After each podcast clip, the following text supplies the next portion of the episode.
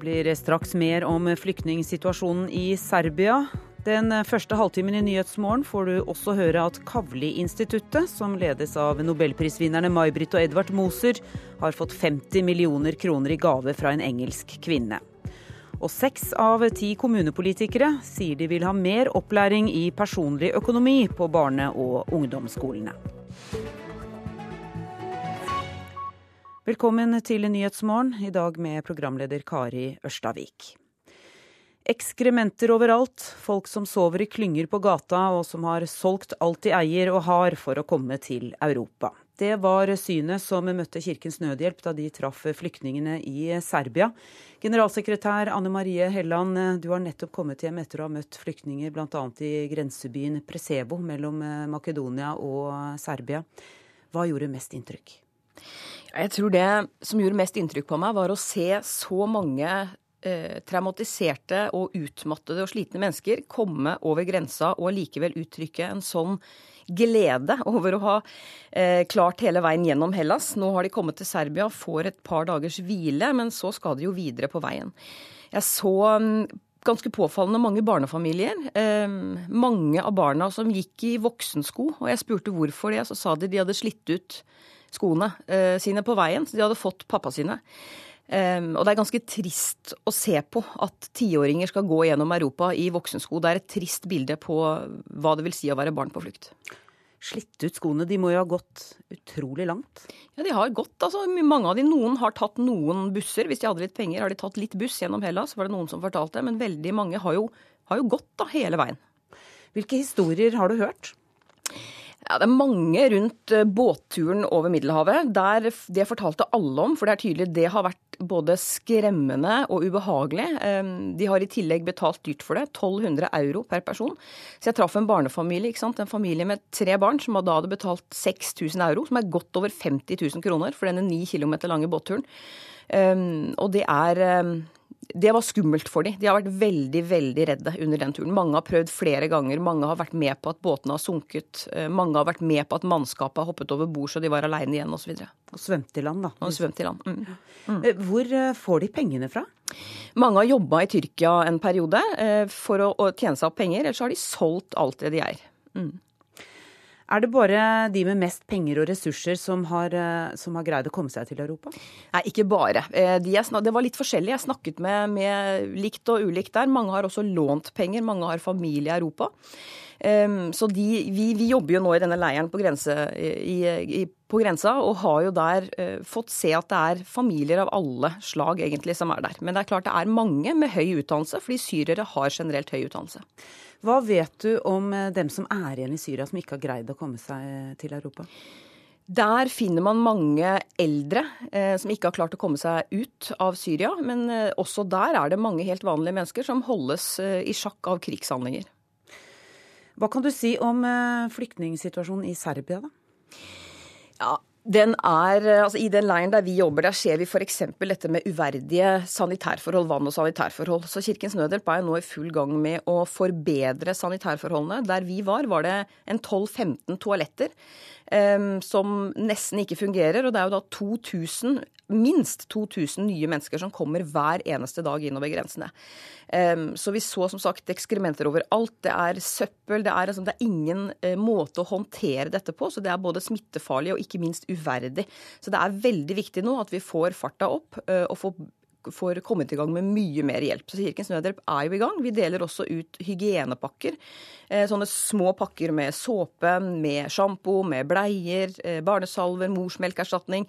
Sånn at folk får en viss mulighet til å gjeninnhente verdigheten sin, som de har, mange av de føler at de har mistet på veien. Det mest basale vann får de ja, serbiske myndigheter, der vi var, var det ikke så verst tilgang til vann. Eh, ikke alt er like drikkbart, så, så, der må vi være litt forsiktige med å merke kildene, og ikke minst teste vannet med jevne mellomrom. Men der, i det, akkurat det området der vi var, var det ikke så verst tilgang på vann. Men mange har jo da ikke hatt vann underveis. De har slitt med å For det har vært kjempevarmt, opptil 40 grader når de har gått gjennom Hellas. Og de klarer jo ikke å bære med seg det vannet de trenger, så dette har vært et problem. Takk for at du kom til Nyhetsmorgen, generalsekretær Anne Marie Helland. Forskningssenteret Kavli-instituttet i Trondheim har fått 50 millioner kroner i gave fra en engelsk kvinne. Senteret ledes av nobelprisvinnerne May-Britt og Edvard Moser. Gaven utløser like mye penger fra Kavli Foundation, slik at hjerneforskerne totalt får 100 millioner kroner. Vi eh, snakka med Kavli Foundation, og de sa at hvis dere er flinke å samle inn penger, så skal vi matche disse pengene. Og det som skjedde, det var at plutselig så bare dukka det opp disse pengene, og det var bare sånn hæ? May-Britt Moser stråler av begeistring. De hadde allerede satt i gang en innsamlingsaksjon. Men så kom altså gaven fra Pauline Bråten. Det at uh, hun er interessert i å støtte støtte et senter her i Trondheim, er bare så utrolig. Og så masse penger. Pengene går inn i et fond, og avkastningen skal brukes til å rekruttere internasjonale toppforskere til gode arbeidsforhold i Trondheim. Vi tror at ved å forstå grunnprinsipper for hvordan hjernen fungerer, så legger det grunnlaget for å eh, forstå hva som går galt i hjernen også. Sier Edvard Moser. Sånn, på sikt så vil det bidra ikke kun til å løse Alzheimer-gåten, men til å finne ut hva som går galt i mange nevrologiske og psykiatriske sykdommer. Nå sender vi folk til verdensrommet overalt, fordi vi er nødt til å utforske og inn i djup dype jungler og sånne ting. ikke sant? Men hva med det mysteriet som vi har mellom ørene, da? Skal ikke vi finne ut av det? Jo! Reportere her var Katrin Hellesnes og Petter Moen Nilsen. Så til eh, dagens aviser. I Dagens eh, Næringsliv ser vi bilde av Bjørn Kjos på forsiden i dag. Kjos gamblet på lavere oljepris og sparte 1,3 milliarder kroner. Derfor jubel i Norwegian, mens eh, SAS er bundet av fastprisavtale, står det. Ny politigruppe skal ta fremmedkrigerne, skriver Aftenposten. PST-sjef Benedikte Bjørnland henter inn folk fra Kripos, Økokrim og politidistriktene. Hyttekjøp hevet, får ikke noe tilbake, skriver Bergens Tidende. Et ektepar trodde de hadde kjøpt drømmestedet på Hardangervidda, men oppdaget store mangler og fikk hevet kjøpet. Men selger slipper unna regningen. Dagbladet henviser til eksperter som ber kronprinsen svare for luksusferien med spørsmålet 'Hvem betalte Håkon?' Klassekampen har flyktningkatastrofen på forsiden. FN advarer mot sammenbrudd i Syrias naboland, og i Tyskland er asylsystemet på bristepunktet. Adresseavisen har ekteparet Moser på forsiden, ekteparet som fikk nobelprisen i medisin. Nå får de 50 millioner kroner av en britisk enke. I Vårt Land dreier det seg også om flyktninger. I Asker har to ildsjeler fått med seg Frp til å fremme et forslag om å la private få kommunal støtte for å bygge om boligene sine til flyktninger. Saken skal opp i kommunestyret i kveld. Forsidebildet i Nasjonen er fra gårsdagens bondeaksjon i Brussel. Flammende protest mot EU, kan vi lese. 6000 bønder fra hele Europa krever tiltak mot lave råvarepriser. Barnehageektepar i oljeskvis kan vi lese om i Finansavisen. Ekteparet bak Norges største barnehagekjede har satset over 700 millioner kroner på det hardt pressede oljeselskapet Crude Corp. Nå risikerer paret å gå på sin største smell noensinne. Og Dagsavisen har valgstoff med spørsmålet skal et fallende Frp og et stigende De Grønne bli jokere i kampen om makten i Oslo.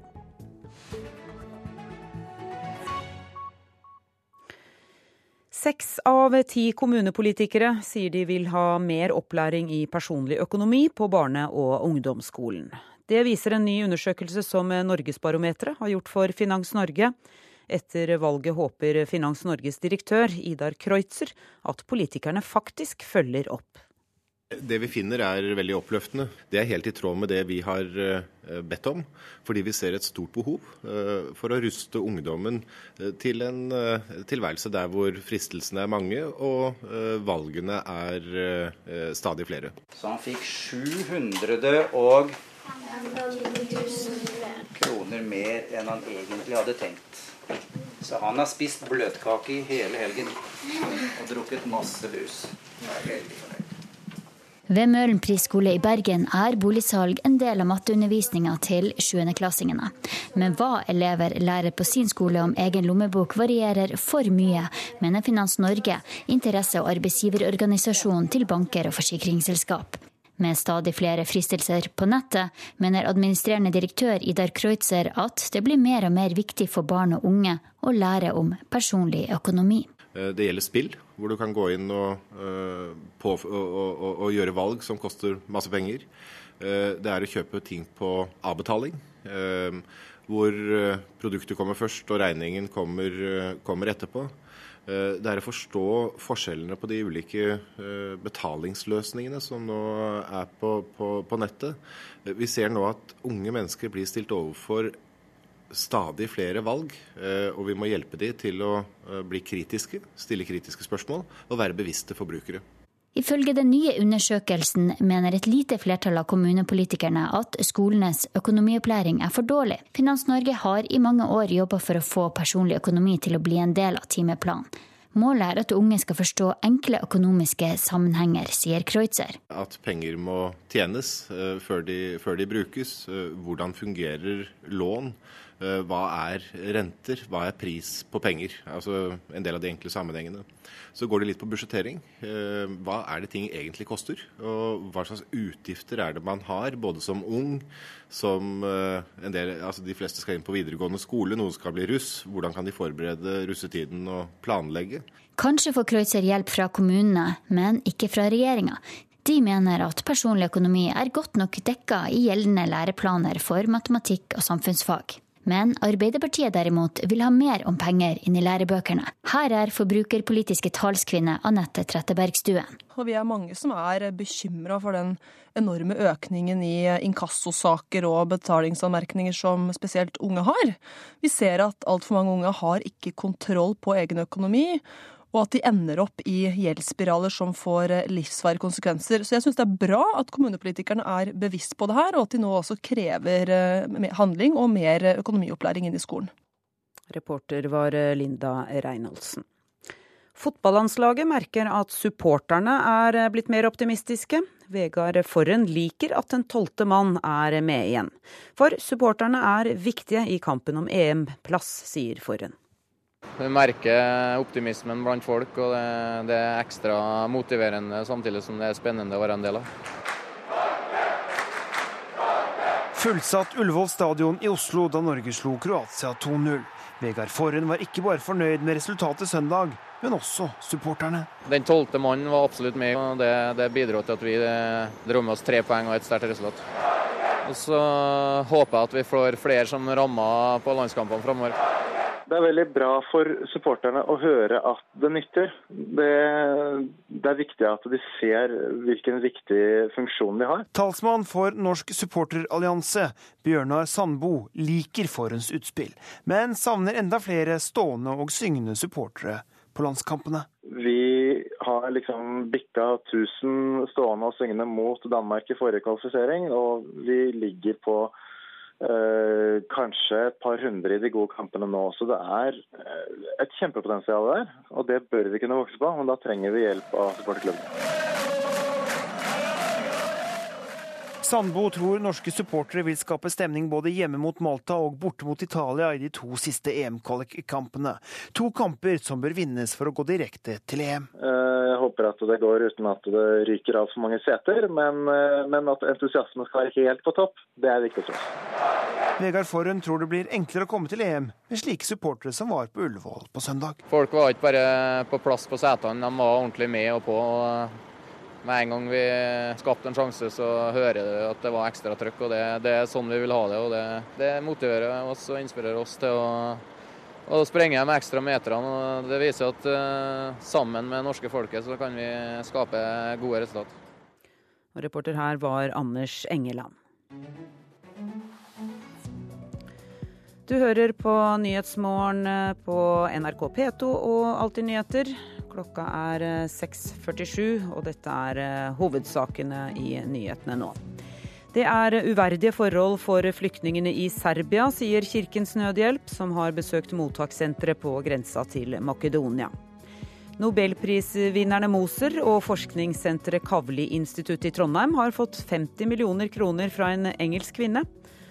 Og følg oss videre. Arbeiderpartiet mener det hele er et valgkampstunt når byrådet i Oslo i dag inviterer til første spadetak på tomta til det nye Munch-museet. Men nå først. Den franske presidenten Francois Hollande kunngjorde i går at han vil prøve å få til et toppmøte om Ukraina en av de nærmeste ukene. Samtidig har det skjedd endringer i ledelsen for de prorussiske separatistene øst i Ukraina, som kan åpne for en forhandlingsløsning på konflikten, som har krevd nærmere 7000 menneskeliv.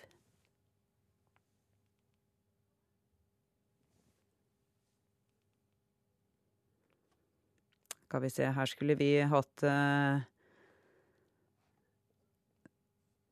Skal vi se, vi uh, venter på Donetsk og Ukraina, og her uh, får vi det. Sist fredag ble det dramatisk ved en av grenseovergangene mellom den delen av Ukraina som kontrolleres av de prorussiske separatistene, og selve Russland.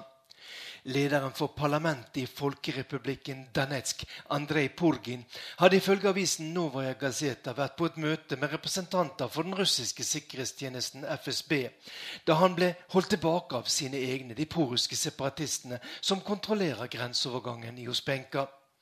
Etter å i praksis har vært arrestert, ble Purgin så ført til Danetsk og til et ekstraordinært møte i parlamentet. Parlamentsbygningen var omringet av soldater og stridsvogner, og for Purgin var det ingen tvil om hva som kom til å skje. Han ble fortalt at man ikke lenger hadde tillit til ham, og i stedet ble Dennis Pusjilin utnevnt til leder i nasjonalforsamlingen i Folkerepublikken Danetsk. Blant de frammøtte var det klart at det som skjedde, var styrt fra Moskva. Russland ønsket rett og slett en endring i den politiske ledelsen i Folkerepublikken Danetsk. Denis Pushilin har lenge vært et av ansiktene utad for de prorussiske separatistene, bl.a. som den som har representert dem under forhandlingene i Minsk i regi av Organisasjonen for sikkerhet og samarbeid i Europa, OSSE. Purgin derimot har i mange år vært en av dem i Donbas-området som har arbeidet for at denne delen av Ukraina burde bli en del av Russland. En kompromissløs russisk nasjonalist, altså. Nå er Purgin ute, og flere observatører, den, den russiske nasjonalisten Andrej Sjukovskij, mener at den russiske presidenten Vladimir Putin nå ønsker å presse de prorussiske separatistene i Luhansk og Donetsk til å godta punktene i Minsk-avtalen fra februar, som innebærer at ukrainske myndigheter også skal få kontroll over hele grensen mot Russland. Spørsmålet er så hva den ukrainske regjeringen i Kiev og president Petro Porosjenko må gi for at Russland nå skal bruke sin innflytelse for å få til et kompromiss som bevarer et Ukraina innenfor de grensene som er i dag, minus Krimhalvøya, som Russland allerede har annektert og neppe vil gi opp en sentral kilde i det russiske utenriksdepartementet, som NRK snakket med i forrige uke, sier at det største problemet nå er at ukrainske myndigheter nekter å snakke med separatistene. De endringene som det ukrainske parlamentet vedtok i forrige uke, under voldsomme protester ute på gatene i Kiev fra nasjonalistiske ukrainere, nærmer seg de krav om regionalt selvstyre som både separatistene og russiske myndigheter har krevd. Men det at Kiev nekter å snakke med representanter for folkerepublikkene Danetsk og Luhansk, er helt uakseptabelt for Moskva. Og her må trolig partene finne fram til et eller annet kompromiss.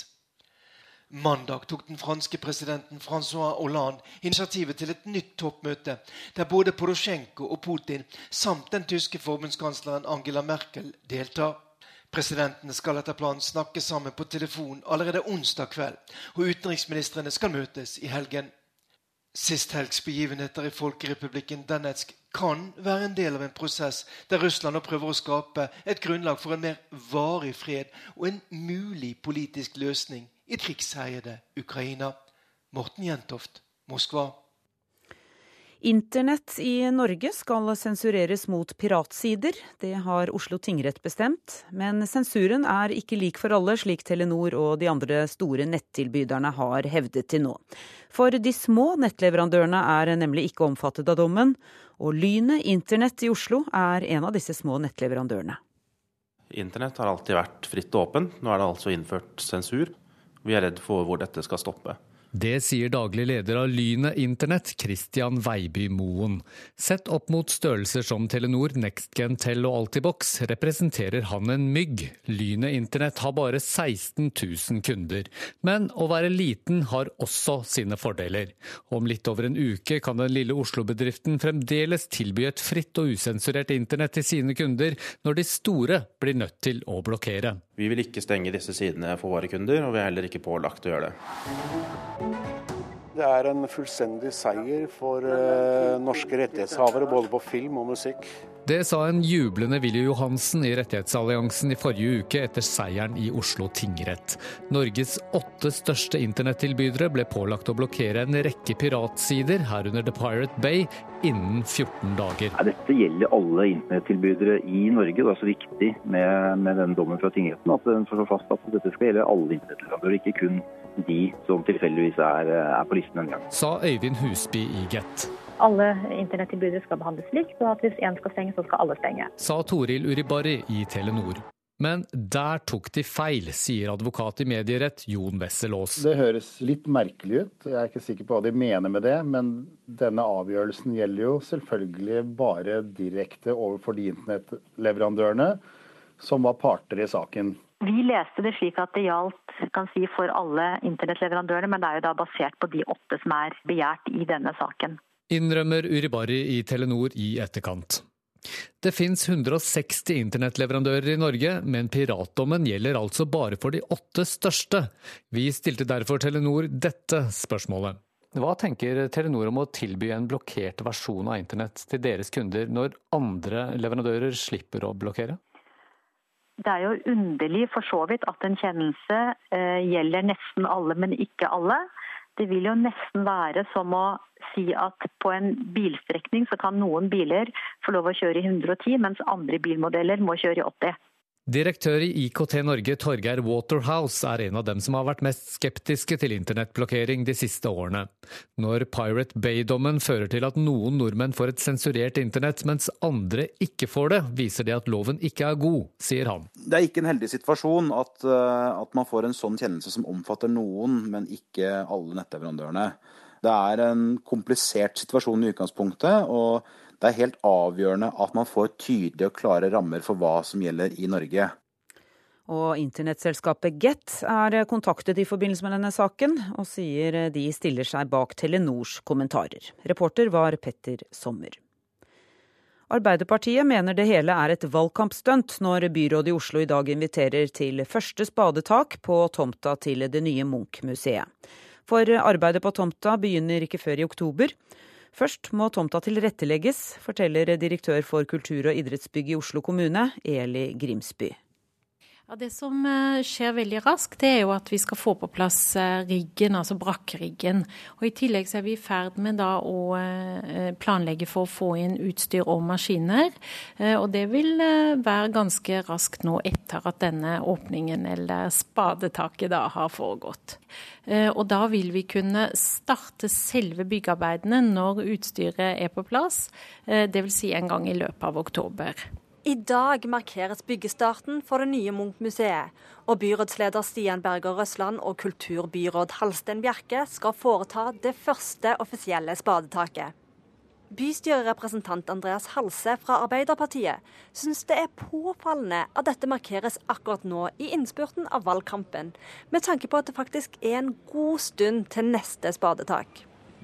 Nei, Det er jo litt rart, da. Det virker jo som om de gjør dette til en valgkampgimmick, eh, istedenfor å faktisk vente til de faktisk skal begynne å bygge, som jo hadde vært ganske naturlig. Kulturbyråd Halstein Bjerke fra Venstre syns ikke det er rart at de markerer allerede nå, selv om byggingen ikke starter før i oktober. Det er en symbolsk markering av at nå er vi i gang med å bygge det nye Munch-museet. Det var eh, mitt mål da jeg ble kulturbyråd for fire år siden, at eh, det som har vært en betent stridssak i Oslo-politikken gjennom mange år, skulle løses. Nå er den løst. Vi er enige om veien videre. Det blir nytt Munch-museum, og det blir i Bjørvika. Og denne høsten begynner vi byggingen. Om fire år står det nye Munch-museet ferdig. Men jeg tenker, det er ikke noen skam å innrømme at det er litt strategi? Jeg vet jo ikke om jeg kan stå der og uh, fortelle velgerne dette om en måned. Det er nå jeg har muligheten til det. Og det første løftet mitt var at jeg skulle løse denne saken. Den har jeg løst, og da har jeg lyst til å fortelle velgerne om det. Reporter var Namra Salem. Så har vi kommet til et værvarsel som gjelder til midnatt. Fjell i Sør-Norge, nordlig bris, men først på dagen liten kuling utsatte steder i nord. For det meste pent vær, men lengst nord skyet og kan hende litt regn først på dagen. Østlandet nordlig eller skiftende bris. Nord i Hedmark og Oppland delvis skyet oppholdsvær, ellers mye pent vær. Telemark og Agder skiftende bris, pent vær. Rogaland og Hordaland nordlig frisk bris på kysten, stort sett pent vær. Sogn og Fjordane nordlig bris, skyet eller delvis skyet oppholdsvær. Fra i ettermiddag nordlig frisk bris på kysten, stort sett pent vær. Møre og Romsdal vestlig bris, skyet, litt regn og yr. Fra i ettermiddag skiftende bris, skyet eller delvis skyet, oppholdsvær. Trøndelag vestlig bris, skyet, litt regn og yr. I kveld oppholdsvær. Helgeland, Saltfjellet, Salten og Ofoten sørvestlig bris, delvis skyet oppholdsvær. Fra i ettermiddag økende til frisk bris i Salten og Ofoten, litt regn i nord. Lofoten og Vesterålen sørvestlig frisk bris, i formiddag økning til periodevis liten kuling, perioder med regn. Troms økning til sørvestlig liten kuling utsatte steder, fra i ettermiddag stiv kuling på kysten, fra i formiddag regn. Finnmark vestlig frisk bris utsatte steder. I ettermiddag økende til sørvestlig stiv kuling i utsatte kyst- og fjordstrøk i vest, om kvelden også i øst. Først på dagen spredte regnbyger i øst, fra i ettermiddag regn, først i vest. Og Nordensjøland på Spitsbergen minking til vestlig bris, delvis skyet og stort sett oppholdsvær.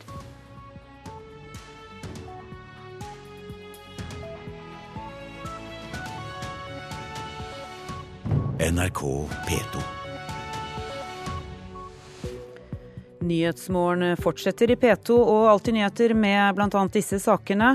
De sykeste psykiatriske pasientene i Norge blir fortsatt uverdig behandlet, mener fire leger, som er varslet om kritikkverdige forhold på Dikemark. Noen trenger venner, andre trenger klær. Mange barn i familier med sosialstøtte får ikke vurdert hva de egentlig trenger. Det er alvorlig, fastslår Helsetilsynet. Og som vi hørte i Dagsnytt, Danmark har skjerpet grensekontrollen mot Tyskland etter at 850 syriske flyktninger i går kom med toget.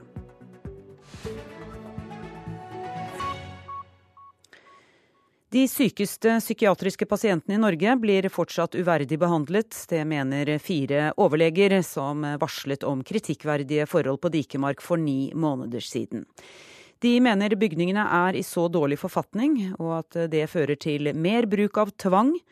Helsetilsynet har behandlet varslingssaken og konkludert med at Oslo universitetssykehus ikke har brutt spesialisthelsetjenesteloven. Her ser du huset. Ja. Og det er da hjerte på 2,5 meter utenfor, med eh, kontroll for adgang. På toppen av en lang bakke, godt gjemt bak høye trær, troner et tre etasjer høyt murhus på Dikemark i Asker utenfor Oslo. Bygd i 1936. Gamle vinduer, avskalla maling. Her er de aller sykeste psykiatriske pasientene i Norge, sier overlege og tillitsvalgt Maria Sigurd Jonsdottir. Hvis du ser her ned til blokken der nede, ja. Dette er vanlig boligblokk til vanlige folk. Den er ikke mange meter unna. Ja, Og de hører hvis det er noen som blir urolig? Ja. Og vi har fått klager pga. det. Fordi dere må ha vinduene åpne? Ja, det er så voldsomt varmt på sommerstid. I desember i fjor varslet tre overleger og en seksjonsoverlege ved Dikemark regionale sikkerhetsenhet om forholdene til Helsetilsynet og ledelsen ved Oslo universitetssykehus. Flere pasienter har vært påført tvangsmidler over lang tid pga. gamle og dårlige bygg og for få ansatte, skrev de. Nå, ni måneder senere, er situasjonen fortsatt den samme, sier Sigurd Jonsdottir. Vi vet f.eks. av pasienter som trenger ro, og ikke får det fordi en annen pasient skriker, og man klarer ikke å hindre vedkommende i å høre det. Så ser vi ofte forverring som kan vare i en dag eller noen uker, eller kanskje ende i at vedkommende blir mer psykotisk enn de var tidligere. Hva tenker du om det? Det er ikke slik behandling som vi ønsker å gi til pasientene. På Dikemark er det tre avdelinger og fem skjermingsenheter. En skjermingsenhet er en egen liten avdeling med soverom, oppholdsrom hvor pasienten er adskilt fra andre pasienter. Men som oftest er det flere enn fem pasienter som trenger dette. Vi varsler fordi vi tror at det kan være uforsvarlig. Det er jeg uenig i. Sier Trond Håkon Noddeland, avdelingsleder ved regionale og nasjonale funksjoner i psykisk helse ved OUS. Jeg mener det er forsvarlig, men ikke optimalt. Det er godt nok? Det er godt nok, ja. Men er det bra nok når pasienter blir dårlige av det? Det er, ikke, det er jeg også uenig i. Pasientene er jo veldig dårlige, de som er der. Og de blir veldig mye dårligere av, av bygningene. Det er jeg usikker på. Det er jo fare for at det blir lengre sykdomsperioder pga. forholdene der, mener legene. Er du e- uenig i det? Jeg syns det er veldig bombastisk å si at det er bygningen som er skyld i at det blir lengre opphold. Ja. Oslo universitetssykehus har satt i gang et forprosjekt for et mulig nytt bygg på Dikemark, men det vil først komme om 10-15 år, tror Noddeland.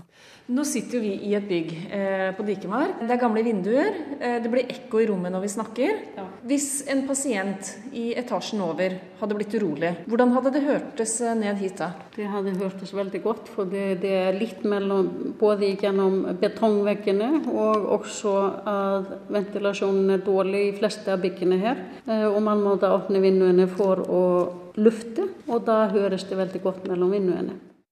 Reporter var eh, Ellen Omland. Seksjonssjef i eh, helseavdelingen hos Fylkesmannen i Oslo og Akershus, Gaute Skirbekk, velkommen til Nyhetsmorgen. Takk, god morgen. Dere behandlet denne varslingssaken om brudd på spesialisthelsetjenesteloven og konkluderte med at det ikke var brudd. Hvorfor mener du det? Vi behandlet den, det er riktig. Vi så på skjermingsfasilitetene som sådan i bygningen. Og det vi vurderer det opp mot, er minimumsstandarden forsvarlighet. Ikke det optimale, men minimumsstandarden. Og vi fant at som sådan, altså skjermingsfasilitetene som sådan, ikke er under minimumsstandarden. Man skal huske på at bl.a. Helsedirektoratet har godkjent bygningen for denne sykehusdriften for ikke mange år siden. Ja.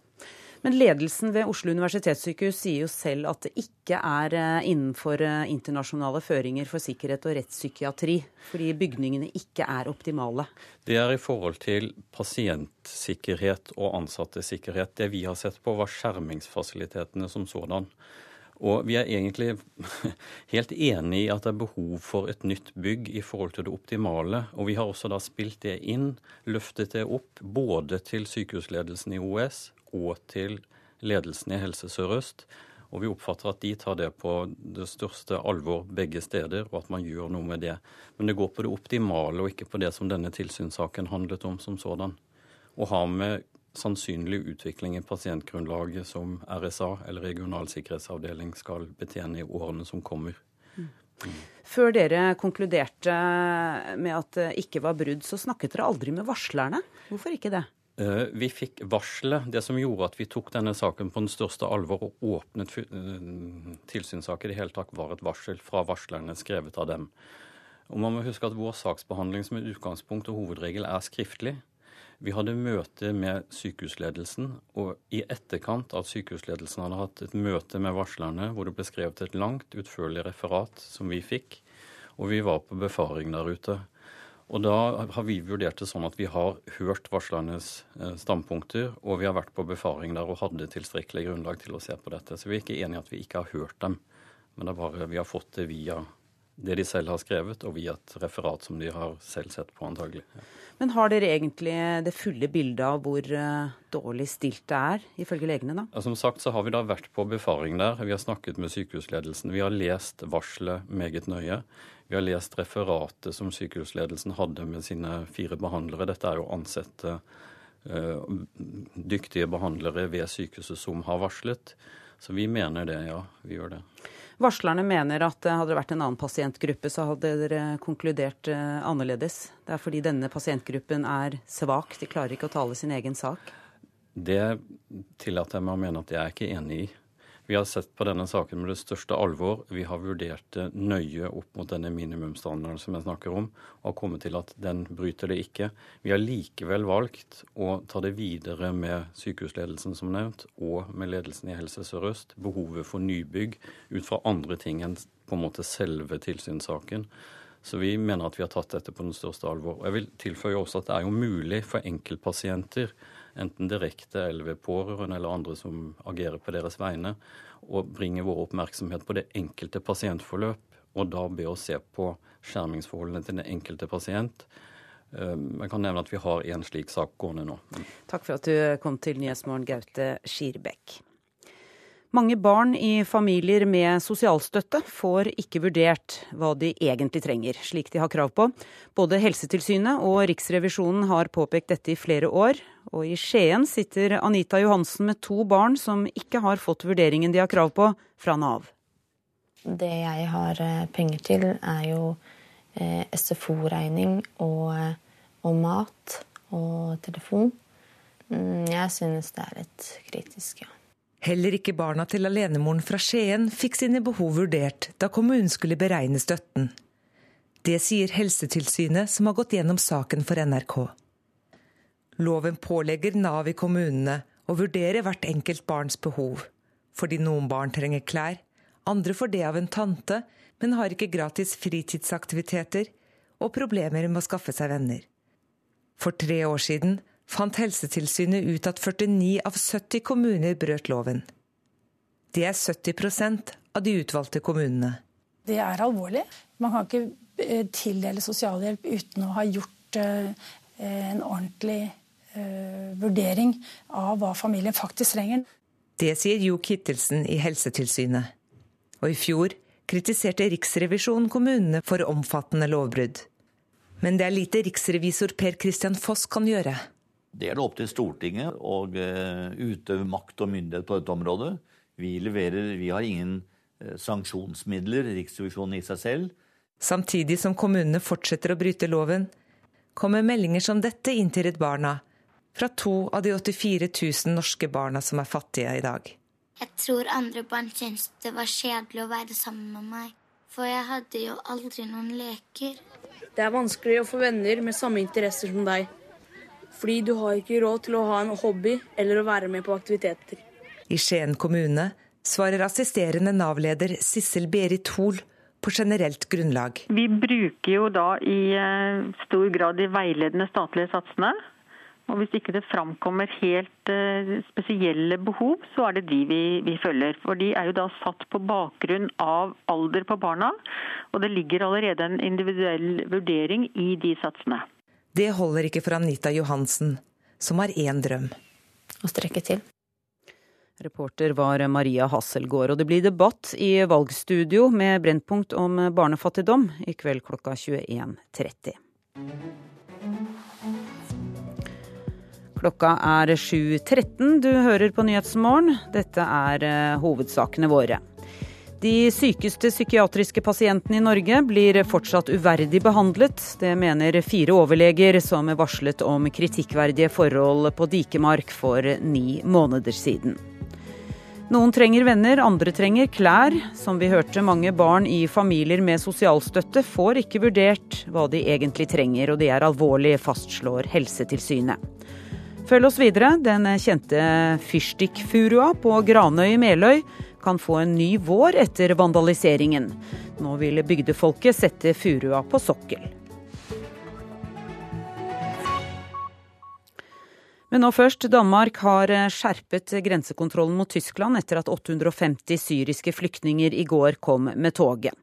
Flyktningene vil til Sverige, og mange av dem begynte å gå langs motorveien. Utenriksmedarbeider Tom Christiansen, hva er det Danmark vil med dette? Danmark vil ikke stenge dem ute, men eh, registrere dem. Det er slik at det land du registreres i, er dit du blir sendt tilbake hvis du ikke får opphold ved det land du helst vil innenfor Schengen. Eh, de vil, eh, de vil, ikke være i Danmark. De kjenner ikke noe til Danmark. De har veldig lite kunnskap om hvordan det er, det er der. De har vært på en lang og strevsom og utmattende reise, og eh, handler vel ofte eh, før de får tenkt seg om. De har vært allerede på en lang reise, sier du. Flere hundre av flyktningene som kom i går, de tok eh, beina fatt langs motorveien igjen? Hvordan ja, gikk det? Ja, Det er jo 35 mil på tvers av Danmark. Motorveien full av flyktninger. Danmark måtte stenge motorveien, men det var jo en del dansker da, som dukket opp med mat og vann. Og noen kjørte dem til København, selv om eh, det er uh, ulovlig. Eh, politiet kom også med en buss. De trodde at de kanskje skulle få frakt videre, men de ble kjørt tilbake til Padborg ved grensa for å bli registrert. Og noen nekta å Eh, avgi finger, eh, finger, fingeravtrykk, for eh, de er redd for å bli registrert i Danmark. Hvorfor er det så viktig for dem å komme seg videre til Sverige? Det skyldes vel at de har venner og slektninger i Sverige. De vet på den måten også en del om Sverige. Danmark vet de nesten ingenting. De vet f.eks. ikke at det er ganske bra mottak i Danmark, og at dette restriktive flyktninglandet Danmark for tiden er nokså åpent for uh, syrere. Det vet de heller ikke. I Guatemala må det en ny valgomgang til for å bestemme hvem som blir landets neste president. Det er klart etter at stemmene fra søndagens valg er talt opp. Presidentvalget skjer bare to dager etter at landets tidligere president Otto Perez Molina ble tvunget til å gå av som følge av en korrupsjonsskandale. Marianne Gulli, du er styreleder i Latin-Amerika-gruppene i Norge og følger situasjonen i Guatemala tett. Aller først, velkommen til Nyhetsmorgen. Takk. Hvilke kandidater er det innbyggerne i Guatemala kan velge mellom? Ja, nå går jo de, som, du sa, til en andre valgrunde. Og da er det én eh, kandidat som åpen, skal åpenbart inn i den valgrunden, og det er Jimmy Morales. Andreplassen er enda ikke helt klar. Alle stemmene er ikke telt opp, og det er bare et par 0,7 prosentpoeng som skiller de to andreplassene. Eh, Morales er en overraskelse i valgsammenheng. Eh, han var, om ikke ukjent, men i valgsammenheng ukjent til, eh, inntil for kort tid siden. Han har veldig ofte blitt omtalt som en komiker, og det er også ofte en beleilig forklaring, mens han egentlig stammer fra en veldig ekstrem konservativ militær høyrefraksjon. Eh, som representerer kanskje en fortsettelse av veldig strukturer med veldig dype røtter i Guatemala, med, eh, stammer fra de tradisjonelle maktelitene, representerer en veldig nasjonalistisk, veldig konservativ, veldig rasistisk linje. Eh, og ikke minst hans listetopper er forbundet eh, med flere omfattende brudd på menneske, menneskeheten under borgerkrigen. De to andre kandidatene, Manuel Baldisson og Sandra Torres, de kniver jo nå om andreplassen. De har ikke akkurat så mye renere rulleblad, de heller. Eh, Baldisson er knyttet opp mot eh, narkokarteller og omfattende svindelskandaler, og visepresi hans visepresidentkandidat er nå også under etterforskning. Og Torres er knyttet opp mot kriminelle nettverk. Hun er altså tidligere førstedame, så det er litt av et uh, spill. Litt av noen typer, ja. Tidligere, og tidligere president Molina han ble altså tvunget til å gå av som følge av en korrupsjonsskandale. Hva slags anklager er det snakk om der? Ja, Det er snakk om eh, Guatemalas hittil altså, kjente største korrupsjonsskandale. Korrupsjon er jo ikke noe nytt i landet. Eh, hvor det da først eh, ble avslørt eh, omfattende, et omfattende korrupsjonsnettverk i to tollmyndighetene med koblinger direkte opp til president og visepresident. Videre så ble det også avslørt en omfattende sykehusskandale, som også hadde inne, involvert flere menneskeliv som hadde gått tapt pga. svindel med medisiner og manglende medisinering og manglende innkjøp av medisiner. Og ikke minst en enorm partikorrupsjonsskandale, der hvor man eh, tydeliggjorde de eh, koblingene politiske partier hadde til eh, narkokarteller og kriminelle nettverk.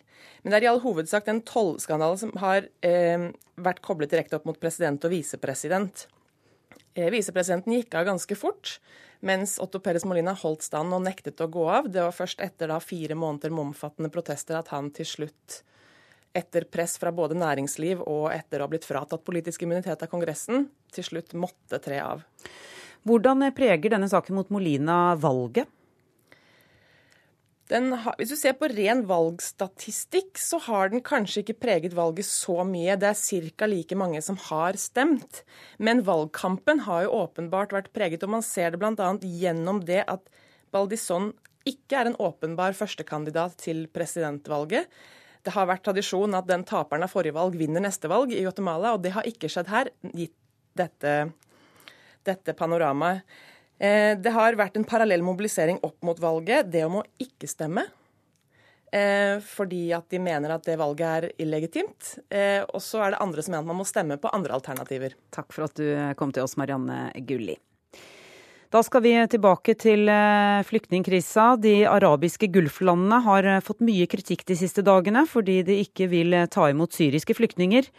Landene er de rikeste i området, og Midtøsten-korrespondent Sigurd Falkenberg Mikkelsen, hvem er det som eh, kommer med denne kritikken? Den kommer fra flere hold. Eh, du har syriske flyktninger selv som har uttrykt seg kritisk eh, i eh, media. Og så er det mye oppstand på sosiale medier. Og så har også de forskjellige menneskerettighetsorganisasjonene vært veldig tydelige de siste dagene. F.eks. så har lederen for Human Rights Watch, Ken Roth, på Twitter oppsummert det hele gjennom en tweet hvor han stilte et spørsmål han selv svarte på, hvor han skriver gjett hvor mange flyktninger Gulf-landene, inkludert Saudi-Arabia, har tatt imot. Eh, og skriver han null. Kan du si litt mer om hva kritikken består i? Ja, kritikken er i og for seg ikke ny, men den har fått uh, fornyet aktualitet ettersom uh, flyktningstrømmen har begynt å gå mot Europa, uh, og også etterkant av bildet av Alan Kurdi. men så er det særlig da kontrasten til, til, til, de andre landene i Midtøsten som er så sterk. Fordi det er nabolandene som er langt fattigere, som jo bærer byrden. Du har Tyrkia, Jordan, Libanon, til vi skal også Egypt. Mye, mye færre ressurser. Og i Libanon er jo 20% av befolkningen nå flyktninger. Så De blir da kritisert for å være egoistiske, og at dette er altså et uttrykk for at ikke det lenger holder bare å finansiere og åpne lommeboka og hjelpe folk i flyktningleirer. Hva svarer eh, Gulflandene på denne kritikken, da? De har ikke kommet noe offisielt eh, svar, eh, men det er kommentatorer og politiske forskere svarer i media. Kritikken har kommet mye bl.a. I, i USA. Og det de sier er det todelt. Det ene er at de bidrar da med mye penger, noe som i og for seg stemmer. Bl.a. til flyktningleirene i Jordan. Eh, og så er det også da at de tilbyr mange eh, syrere arbeid eh, som igjen kan føre penger tilbake til familiene, enten det være seg i Syria eller i leirene. Og så er det også mange som skylder på Vesten for at de ikke har gjort nok for å velte Assad, og at det, det da er med på å drive konflikten framover. Er det noe som tyder på at landene vil endre politikken etter denne kritikken? Det har vært noe intern kritikk som også har kommet, f.eks. i Kuwait. Eh, men det er ganske marginalt. Og eh, jeg tviler vel på at det kommer noen endring der. Eh, det er i hvert fall ikke noe som tyder på det sånn umiddelbart. Og De har jo også et helt annet konsept f.eks. når det gjelder statsborgerskap. Er, de fleste landene i Gulfen er små, med veldig små lokale befolkninger. Ta f.eks.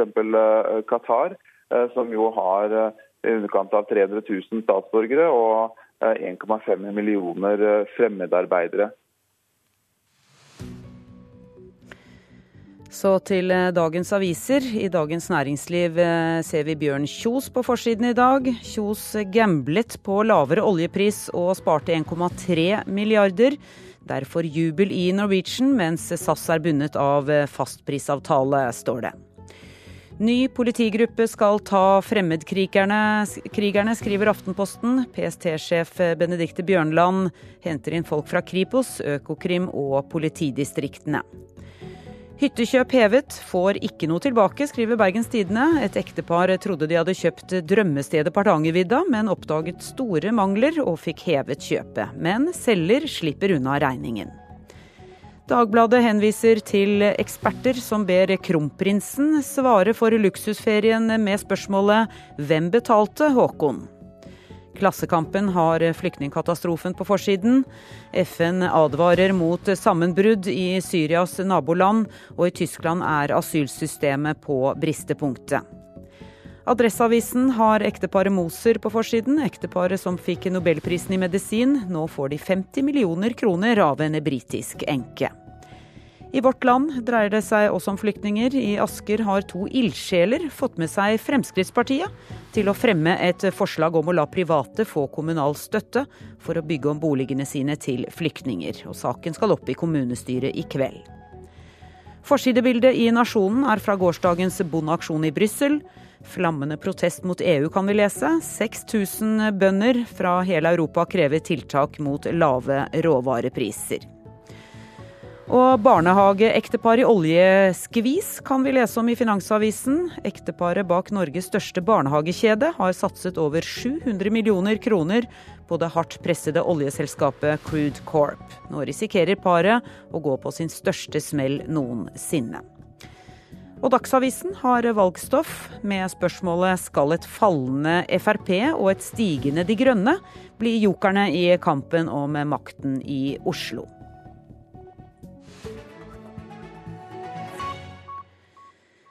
Historien er ikke over for fyrstikkfurua på Grønnøy Meløy i Nordland. Furua som menes å være motivet på Nittedals fyrstikkesker, ble ødelagt av vandaler for drøye to uker siden. Nå vil bygdefolket reise furua igjen, forteller Sissel Meløysund i Grønnøy velforening, som er en av mange som ble svært opprørt da furua ble saget ned. Vi får jo sjokk. Det er jo noe som vi aldri i verden har tenkt skulle, skulle skje, at noen skulle ta den her, at folk kunne bli så frekke. Men eh, så blir man det jo selvfølgelig sorg og sinne alt på en gang. Og det er jo noe som du ikke kan rette opp i. Sissel Meløysund tar oss med til fyrstikkfurua på Grønnøy i Meløy kommune. To uker etter at det kjente treet ble sagd ned, så har det største sjokket lagt seg hos bygdefolket. Alle som bor her, vi er veldig stolte av den. Og veldig håper jeg, patriotisk til at, at det er liksom landemerket vårt. Og vi mener jo 100% at dette er den som er på fyrstikkfara. Det er lite verdighet igjen over den majestetiske furua vi kjenner fra fyrstikkeska. Den som har stått der og sett ut imot Meløya og Bolga gjennom godt over 300 år. Det er et trasig syn, det er det virkelig. Stammen er ugjenkallelig sagd i to, men Grønnøy velforening lar ikke furua ligge. Fyrstikkdronninga skal opp og stå igjen. Vi skal røyse oss igjen, for å si det sånn. At vi har lyst til at det på en måte skal komme. Ikke, vi kommer ikke bedre ut, det gjør vi ikke, men at vi skal nå virkelig få Nå ser vi jo virkelig hva det er vi har mest. At vi skal virkelig børste støvet og få, få ordna her og virkelig visst hva vi har. Her er det, vises jo godt årgjengene her òg. De har ikke fått endelig svar ennå, men en foreløpig sånn grunnanalyse eller sånn som de har tatt, er jo mer enn 300 år. Det er, det er smertefullt å se, virkelig. Ja. Det er det. Men eh, det vi har lyst til, og da de alle, eller jeg sier nå vi, men det er nå da flertallet vil, mm. eller ønsker, det er å få røyst opp igjen. Hun er jo. Hun er jo ferdig. Men at hun kan stå og få et fundament, støype en sokkel her rundt, og så få sånn grovpukk rundt. Mm. Og så få røyst for henne igjen. På det her fundamentet? På fundamentet, ja. Sånn at hun står igjen.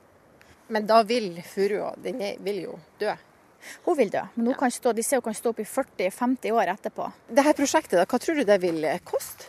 Det er vel estimert til ca. 400 og noe tusen. Men hvordan skal dere finansiere det her?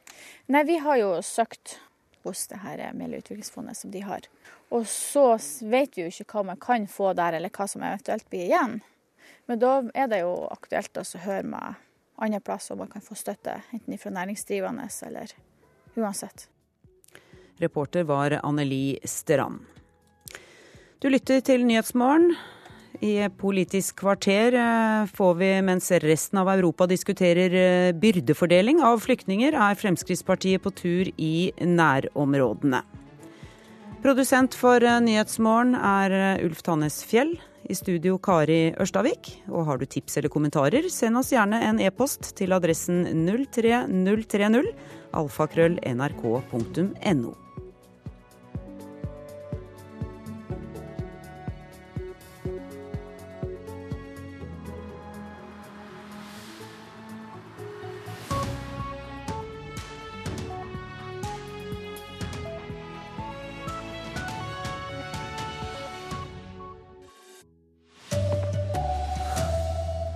De sykeste psykiatriske pasientene i Norge blir uverdig behandlet, mener leger. Flere hundre flyktninger som har kommet til Danmark fra Tyskland de siste dagene, er forsvunnet sporløst, ifølge dansk politi.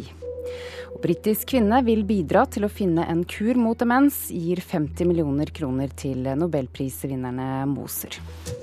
Her er NRK Dagsnytt klokken 7.30. De sykeste psykiatriske pasientene her i landet blir fortsatt uverdig behandlet, mener fire overleger som varslet om kritikkverdige forhold på Dikemark for ni måneder siden. De sier bygningene er i så dårlig stand at det fører til mer bruk av tvang. Her ser du huset. Ja. På toppen av en lang bakke, godt gjemt bak høye trær, troner et tre etasjer høyt murhus på Dikemark i Asker utenfor Oslo. Bygd i 1936. Gamle vinduer, avskalla maling. Her er de aller sykeste psykiatriske pasientene i Norge, sier overlege og tillitsvalgt Maria Sigurd Jonsdottir. Hvis du ser her ned til blokken der nede, ja. til vanlige folk. Den er ikke mange meter unna. Ja, Og de hører hvis det er noen som blir urolig? Ja. Og vi har fått klager pga. det. Fordi dere må ha vinduene åpne? Ja, det er så voldsomt varmt på sommerstid. I desember i fjor varslet tre overleger og en seksjonsoverlege ved Dikemark regionale sikkerhetsenhet om forholdene til Helsetilsynet og ledelsen ved Oslo universitetssykehus. Flere pasienter har vært påført tvangsmidler over lang tid pga. gamle og dårlige bygg og for få ansatte, skrev de.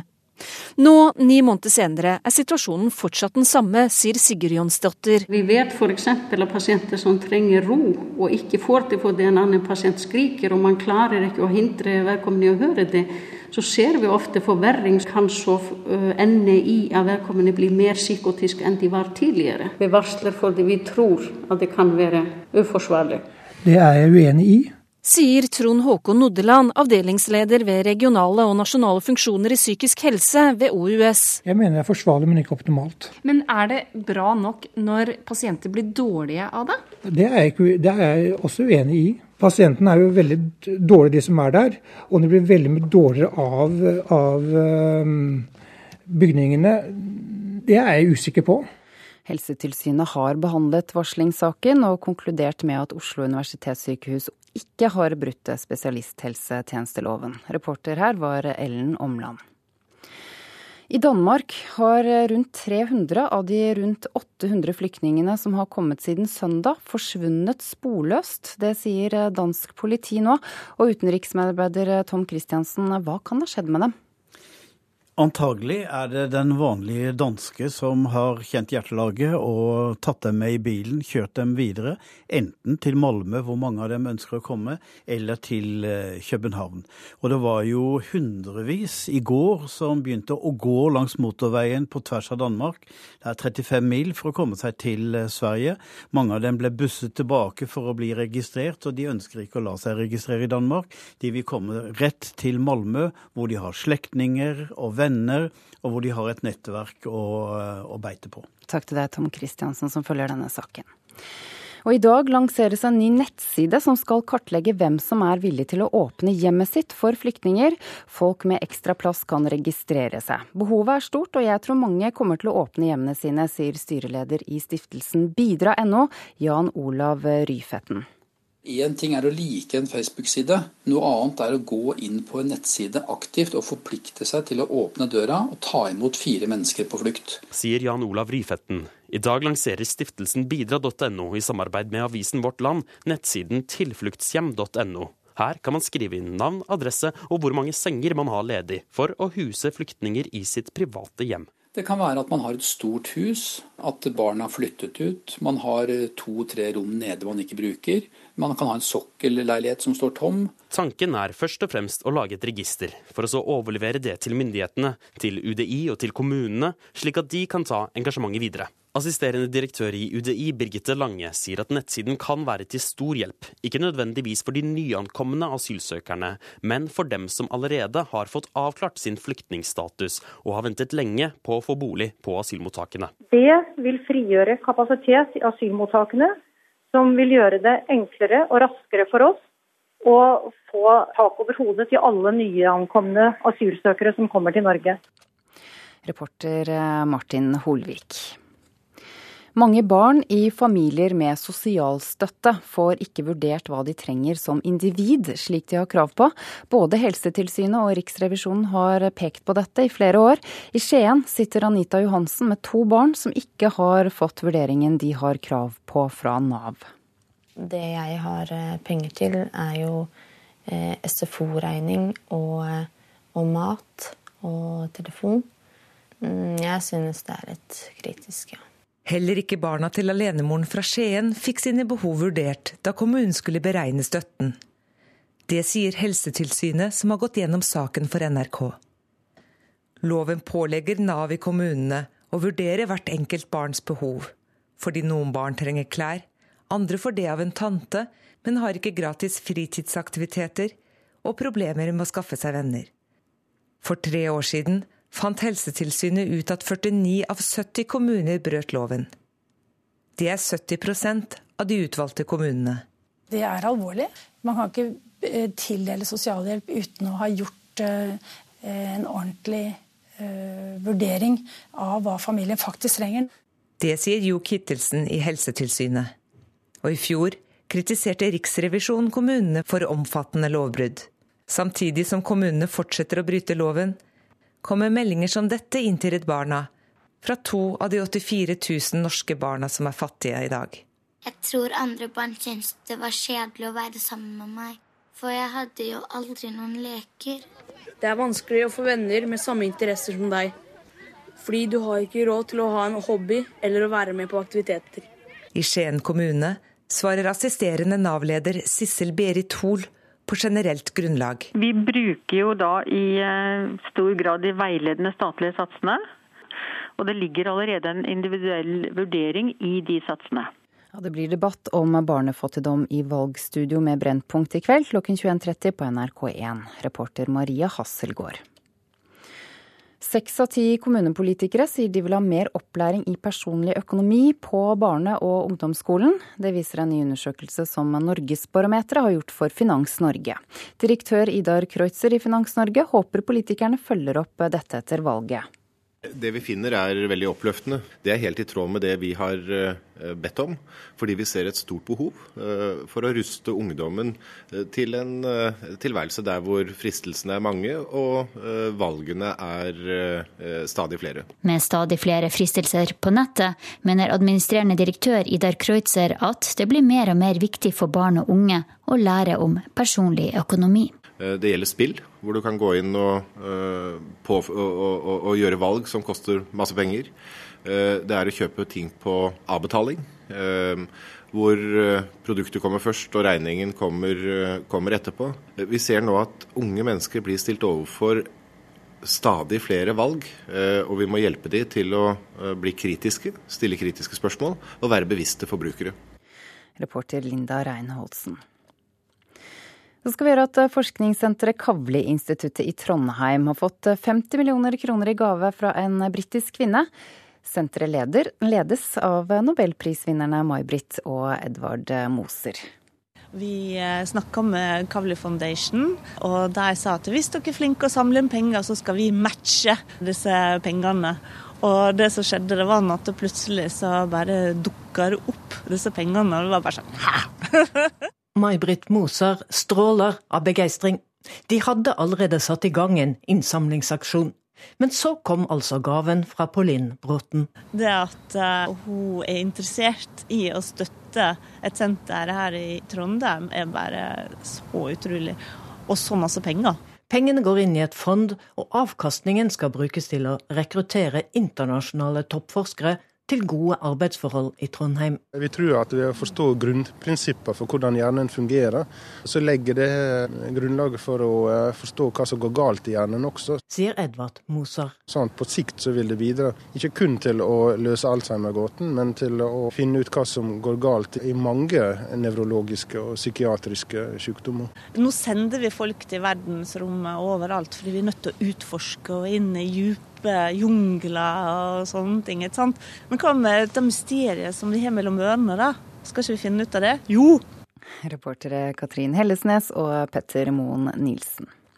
Ansvarlig for Dagsnytt Elin Pettersen. Teknisk ansvarlig Hanne Lunås. Jeg heter Ida Creed.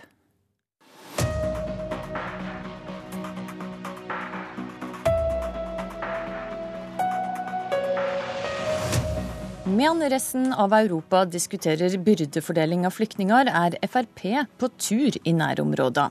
Og vi skal snakke med den ene mannen som kan vite om det blir et maktskifte i Bergen eller ikke. Så får Frp sin miljøpolitiske talsperson et quiz-spørsmål i dagens sending. Hva kaller en et styresett som straffer de som ikke er samde med lederen? God morgen, dette er Politisk kvarter. Mens syriske flyktninger til fots langs motorveier i Europa kommer nærere og nærere oss, og europeiske ledere diskuterer byrdefordelinga av flyktninger, har nestlederen i Frp vært på en støvete og varm teltleir med syriske flyktninger i Libanon. Nå er du med oss på telefon fra et hotell i Beirut. Per Sandberg, god morgen. Per Sandberg, god morgen. Kan det høres? Per Sandberg, kan du høre oss fra Beirut? Da eh, håper vi får kontakt med Per Sandberg eh, etter hvert. Og for eh, begynne med deg, Dagrun Eriksen, nestleder i KrF. På Dagsrevyen i går så hørte vi altså at Per Sandberg sier at han har fått stadfesta sitt syn på tur i flyktningleirer i landet, der han har sett og opplevd at det er langt bedre å ta imot folk i nærområdene og hjelpe deg der, enn å hjelpe dem her i Norge. Men du har ei utfordring til Per Sandberg. Hva er den utfordringa, Dagrun Eriksen? Nei, nå vet jeg at han skal møte de politiske myndighetene senere i dag. Eh, og jeg håper jo han da vil utfordre det litt og spørre om de syns det er rimelig eh, at Libanon, som nå har hver fjerde innbygger som er syrisk flyktning, skal kunne eh, være alene om å ta denne byrden. Og at vi, Norge, som verdens rikeste land, som er en setning Per Sandberg og hans kolleger ofte bruker, ikke skal være med å ta noen. Og Den andre utfordringen eh, til han er, er jo veldig enig i at vi trenger å hjelpe i nærområdene. Det har jo KrF gjort gjennom sine eh, bistandsbudsjetter eh, i alle år. Men Utfordringen min er også, finnes det all den infrastrukturen til hjelp der nede? Ser han veldig mange ledige sykepleiere, legepersonell, etter hvert lærere, hvis vi tenker skolegang? Ser han veldig mye til overs? Er det så lett at vi bare kan kjøpe oss ut av dette, eller må både Europa og landene rundt være med og ta en større byrdefordeling enn det vi gjør? Da skal vi høre om vi har eh, fått med oss eh, Per Sandberg eh, fra Beirut. God morgen, Per Sandberg. God morgen. God morgen, god morgen. Fikk du hørt det, Dagrun Eriksen, din utfordring fra Dagrun Eriksen? Ja da, det gjorde jeg. Og, ja, hva er ditt svar på det, Per Sandberg? Svaret mitt er det at jeg har hatt en rekke møter i går, jeg skal ha en rekke møter i dag. Og Det man etterlyser her, det er det at man bistår i mye større grad på det som er basisbehov. Altså det som går på helse, eh, rett og slett mer på vann, mat, og ikke minst det som går på utdanning for barn. Og Da var da utfordringa fra Dagrun Eriksen at eh, finnes det, ser du at det er nok folk til å kunne hjelpe til med dette hvis Norge pøser på med mer penger? Ja, Det spørsmålet skal jeg stille i dag når jeg skal ha møte med sosialministeren og justisministeren, faktisk. Men eh, meldingene tilbake til meg i forhold til gårsdagen, det er det at frivillige, særlig frivillige, har mer kapasitet til å bistå på alle disse områdene. Eh, og det som var etterlysninga i går, bare 50% av de flyktningene som eh, bor i, i Libanon, får sine basisbehov dekt fordi at verdenssamfunnet ikke har støtta opp nok i forhold til nærområdene. Eh, og Da snakker vi om stabilisering av Libanon. Og så er det jo ikke slik at eh, det strømmer på med nye flyktninger til Libanon. Grensa inn til Syria eller ut av Syria er nesten stengt. Eh, og Da står vi i en situasjon der at menneskene her i Libanon står overfor to valg. Eller tre valg. Leve i Libanon i nød. Eller reise tilbake til Syria, noe som alle forstår er umulig. Og Det tredje valget er da det er å legge ut på en farefull ferd mot tredjeland. Altså, eh, da eh, får vi se nye tragedier ute i Middelhavet. Men, eh, men jeg, skal, jeg, skal, gjerne ta imot utfordringer, men jeg kan gjerne gi utfordringer også. For hver eneste milliard vi bruker nå i Europa og i Norge, vil føre til at vårt handlingsrom i forhold til å hjelpe i nærområdene blir mindre. Og Det er jo det som har vært da utgangspunktet til Fremskrittspartiet hele veien. Vi skal hjelpe hjemme, ja, vi, det gjør vi også. Høre hvordan KrF svarer på utfordringa fra Frp. Nei, altså jeg syns jo det er veldig bra. Først, først har jeg berømme Per som faktisk reiser ned. Jeg tror vi har veldig godt av, vi som bor i, i, i Norge, å se hva slags tilstander det er som er der nede. Eh, og jeg håper at dette vil få litt effekt på de kommende budsjettene. For det er klart at det, det å hjelpe i nærområdene og bistandskuttene som Frp har gjort gjennom mange år, ikke har vært med å hjelpe langsiktig på den situasjonen vi ser. Men når det gjelder den akutte situasjonen, så tror jeg nok jeg er veldig enig i at verdenssamfunnet har jo ikke stilt opp. Nå har Norge stilt opp ganske betraktelig med økonomi der nede. Vi kan gjøre mer. Og Min utfordring til, til Per og til Fremskrittspartiet er at er det en betingelse på at vi ikke skal hjelpe her hjemme? Eh, er, altså Må man sette sårbare flyktninger som har lagt ut på den farefulle ferden, som trenger hjelp, og at vi trenger å løfte noen av de mest sårbare ut, som FN har utfordra oss på? Eh, er det en betingelse for at vi ikke skal hjelpe folk her hjemme for å hjelpe folk der nede? For sånn som jeg ser det, så er vi i en krise- og krigssituasjon. Vi har en stor katastrofe i verden, og som vi nå heldigvis får se litt også nært oss i Europa. Og da tenker jeg at vi må gjøre begge deler. Mm. Eh, og jeg har tenkt å utfordre på Får han ingen signaler fra myndighetene der nede på at det er noen sårbare grupper som en vil gjøre best med å ta ut, for da kan man hjelpe enda flere der nede?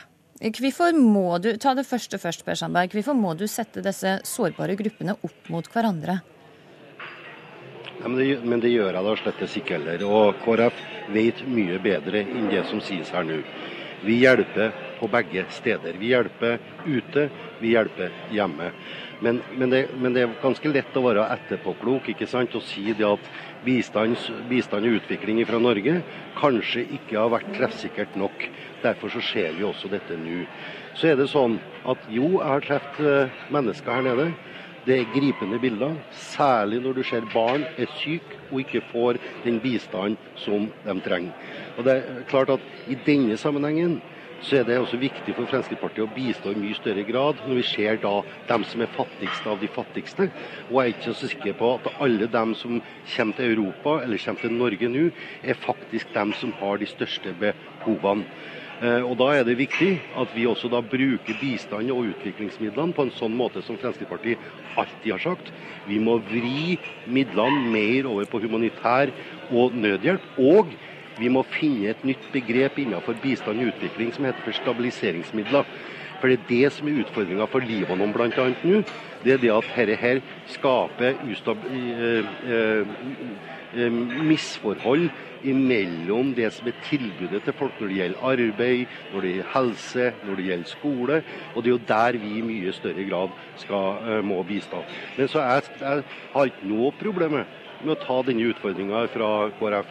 Og Da får vi se da når vi starter budsjettbehandling til høsten, eller hvorvidt at KrF også er villig til å se litt bort fra handlingsregelen for å bruke noe mer penger for å hjelpe i nærområdene. Ok. Senere i dag skal du møte FNs eh, høykommissær for flyktninger samt eh, justisministeren og sosialministeren i eh, Libanon. Lykke til med møtet, Per Sandberg, og takk for at du var med i Politisk kvarter. Takk også til deg, Dagrun Eriksen. Blir det et maktskifte i Bergen. Slik målingene er nå, er det én mann som kan svare på dette spørsmålet, og det er deg, Dag Inge Ulstein, byrådslærerkandidat for KrF. For eh, slik målingene så ser eh, ut nå, så eh, blir det altså blått hvis du går til høyre, og rødt hvis du går til venstre. Og da spør jeg deg, eh, da, blir det et maktskifte i Bergen by? Hvis det blir slik du sier, så er det i hvert fall klart at våre velgere kommer til å få veldig mye gjennomslag. Og det er det som står øverst på lista mi i disse dager. Det er at vi skal være med og sørge for at vi får god sentrumspolitikk. Eh, KrF sine verdier ønsker vi skal være med og prege byen vår fortsatt. Så, så det er jo spennende dager, da. Det er i hvert fall helt sikkert. Men det er ingen som veit om KrF vil gå til venstre eller høyre? Kanskje bortsett fra du? Ja, vi har i hvert fall sagt veldig klart at, eh, at, det handler nettopp om eh, politisk gjennomslag. Og vi ser at vi har en mulighet nå å sikre at søndagen fortsatt blir søndag og en fridag i byen vår. Vi vet at vi kan være med å, og gjøre byen tryggere. Eh, og det gjør vi ikke med å, å, å øke skjenkinga og skjenketida, men vi kan være med å legge press på de sakene som er viktige for oss. Nå hørte vi jo nettopp det her spørsmålet rundt flyktningsaken. Det er også noe som, som jeg har øverst på lista fordi at det er så aktuelt i dag. Og, og nå nå har vi muligheten til å bruke det inn mot byrådsforhandlinger, og vi, vi kommer til å gjøre det. I går så gikk din partileier Knut Arild Hareide ut i Aftenposten med en klar marsjordre og sa sitat Standpunkt til søndagsåpne butikker vil ha avgjørende betydning for om vi sier ja eller nei til samarbeid. Sitat slutt. Høyre i Bergen er for søndagsåpne butikker, Arbeiderpartiet er imot. Vil du følge partilederen din, så er jo valget allerede tatt. Altså, vi har møtt veldig mange mm, Høyre-velgere som er veldig skuffa over det standpunktet. Eh, og Det er kanskje litt av grunnen til at vi ser flere ser mot sentrum. Og Det er jo det jeg hadde håpet egentlig at Høyre hadde gjort tidligere. At ikke de hadde latt eh, Frp få legge premissene på flere saker i byen, og at de da holdt fast på det standpunktet og støtta regjeringa sitt eh, forslag om søndagsåpne butikker. Så, så vi kommer iallfall til å sørge for at søndagen i Bergen blir søndag og i de neste åra som kommer. Er det et ultimatum i et eventuelt samarbeid med Høyre? Nei, vi har ingen ultimatum verken når det gjelder enkeltsaker eller når det gjelder blokker sånn sett. Eh, Men dette er vel en så viktig sak for deg at du ikke kan vike på den? Ja, skal jeg være helt ærlig så tror jeg faktisk ikke det blir den vanskeligste saken å få gjennomslag for. Eh, men det betyr ikke at det er en veldig viktig sak for oss. Men det handler bare litt om at her er det jo Jeg, jeg tror ikke jeg har møtt ene som ikke ønsker eh, at søndagen skal være slik han er fortsatt. Så, så derfor så har jeg på en måte tenkt at den vil være stor mulighet til å få, uavhengig av hvilken retning det går. Om KrF da går til høyre eller venstre, det får vi vente og se. Vi får da ikke vite det før etter valget. Ehm, Dag Inge Ulstein, tusen takk for at du var med i Politisk kvarter. Lever vi i et demokrati? Ja, det spørsmålet måtte SV stille seg etter å ha lest i Dagsavisen at Frp truga med å straffe miljøorganisasjoner som kritiserer deg. Bakgrunnen Ei rekke miljøorganisasjoner kaller regjeringa naturfiendtlig, og lista opp 24 eksempel på hvorfor de mener regjeringa fører en kamp mot naturen. Energi- og miljøtalsmann i Frp, Oskar Grimstad, må først forklare meg hvorfor vil du straffe miljøorganisasjoner som ikke er enig med regjeringa økonomisk? Jeg tar ikke til orde for å straffe miljøvernorganisasjonene. Jeg tar til orde for å eh, legge om finansieringa av dem. Vi har i dag en rekke, et stort antall miljøvernorganisasjoner. De aller, aller fleste av dem er for passiv støtte fra staten. Over 100 millioner kroner årlig blir overført til disse miljøvernorganisasjonene. Og når jeg ser av og til hvor eh, faglig svake utspill de har, så eh, og man presenterer ei punktliste som du nevner med 24 punkt der headinga er 'regjeringa fører en kamp mot naturen'. Da er det så urimelig at eh, jeg sier at eh, her er det på tide at vi tar litt til motmæle. Og det kan hende vi skal bruke anledninga også til å, å, spørre hvordan vi finansierer eh, miljøvernarbeidet og miljøvernorganisasjonene. Du deler altså ut 100 millioner kroner årlig, og syns ikke det er helt rettferdig at du bare får kjeft tilbake? Nei, det er, det er helt urimelig, den kritikken som, som kommer. Og i forhold til spørsmålet fra Sosialistisk Venstreparti, kan man kalle de regimene som, som eh, ja, du, vi, skal, vi skal faktisk gå over ja. til Sosialistisk Venstreparti og stortingsrepresentant eh, Heikki Holmås. For det er altså slik at det svarer Frp må stille et quiz-spørsmål. Forklar. Spørsmålet er jo veldig enkelt, og det er hva kaller du regimer som kutter i støtten til sine meningsmotstandere? Og eh, Det vi vanligvis kaller sånne regimer, er jo autoritære regimer. Det er folk som kutter i støtte til organisasjoner som gjør jobben sin i samfunnet, nemlig å bidra til en, en kritisk debatt. For det, Jeg syns jo det er helt greit at Oskar Grimstad tar til motmæle, som han sier. Jeg mener, Når har du hørt en miljøvernminister som ikke syns at kritikk fra miljøorganisasjonene var urimelig? Men det spesielle i denne saken er jo at Oskar Grimstad på Fremskrittspartiet kommer på banen og sier miljøorganisasjonene må få kuttet all grunnstøtten sin fordi, og nå leser jeg sitat, de er blitt så mette og late at de unnlater å sette seg inn i ting før de kommer med meningsløs kritikk av regjeringen. Og Hva annet er dette her enn trusler mot meningsmotstandere? Grimstad. Ja, eh, på spørsmålet fra Heikki Holmås så, så, vil jeg bare minne om at eh, det styrer Du tar quiz-spørsmålet først. Ja, quiz Hva kaller han et slikt regime? Ja, Så vil jeg bare minne om at det opplevde vi fra 2005 til 2013 når, eh, når, eh, vi opplevde at miljøvernminister Lysbakken kutta støtta til Human Rights Service og dobla den til Antirasistisk eh, senter. Så dette regimet har vi faktisk opplevd i verden fra 2005 til 2013. Så dette er han vel godt vant med å sitte midt iblant. Ja, Heike Åmås. Helt uh, urimelig sammenligning. fordi Det er helt riktig at Human Rights Service fikk nedjustert støtten sin. Sant? De fikk støtte på linje med sammenlignbare organisasjoner. Og Det er helt vanlig at du legger om støtteordninger for å få inn mer objektive kriterier. Men det som er det spesielle, er at det å angripe og true med å trekke støtten er blitt en trend for Fremskrittspartiet. altså det er blitt et mønster.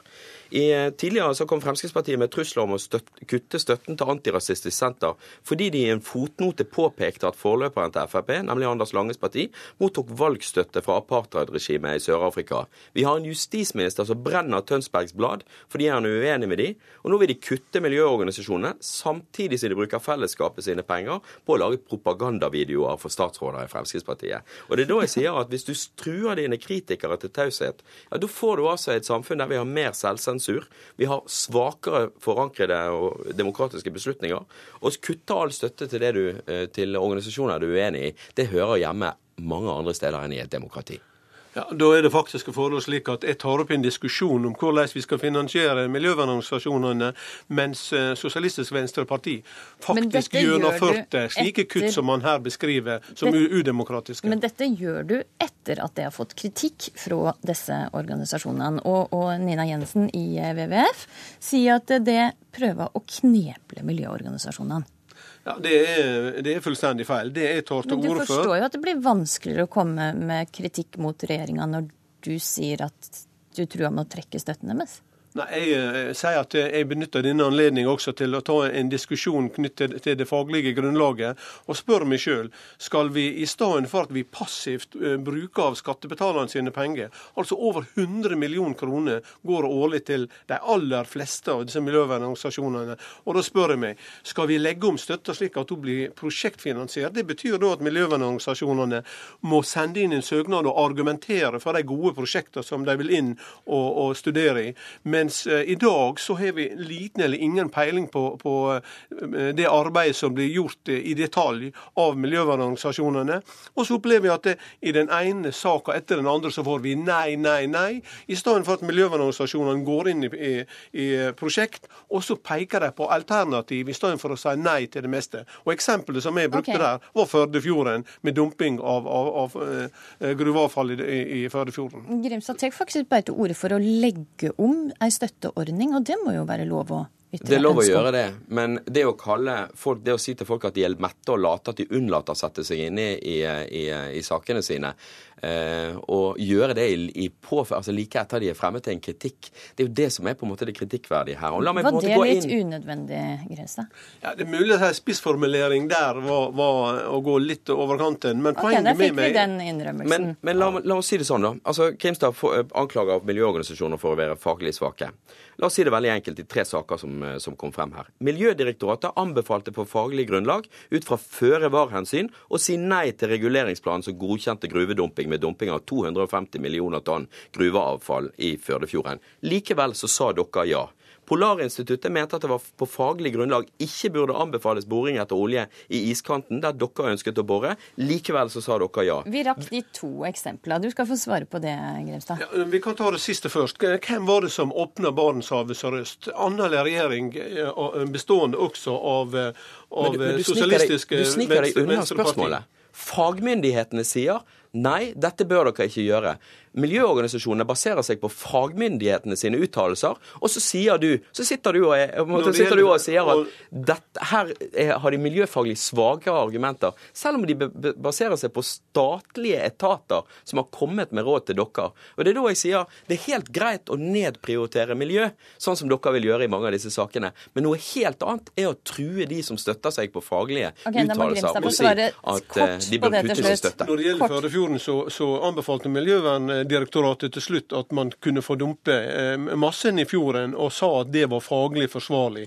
Og Kritikken fra miljøvernorganisasjonene sier at det, det kan føre til det, og, og, ja, Da er spørsmålet vi som politiske myndighet vi er nødt til å balansere samfunnsutvikling mot miljø. og, og Når vi da sier, opplever det at miljøvernorganisasjonene sier nei, nei, nei til det aller, aller meste, okay. da sier det at der. den balansen den er ikke god nok. Oskar Grimstad, der fikk du siste ord. Takk for at du kom til Politisk kvarter. Takk også til det, Heikki Holmås.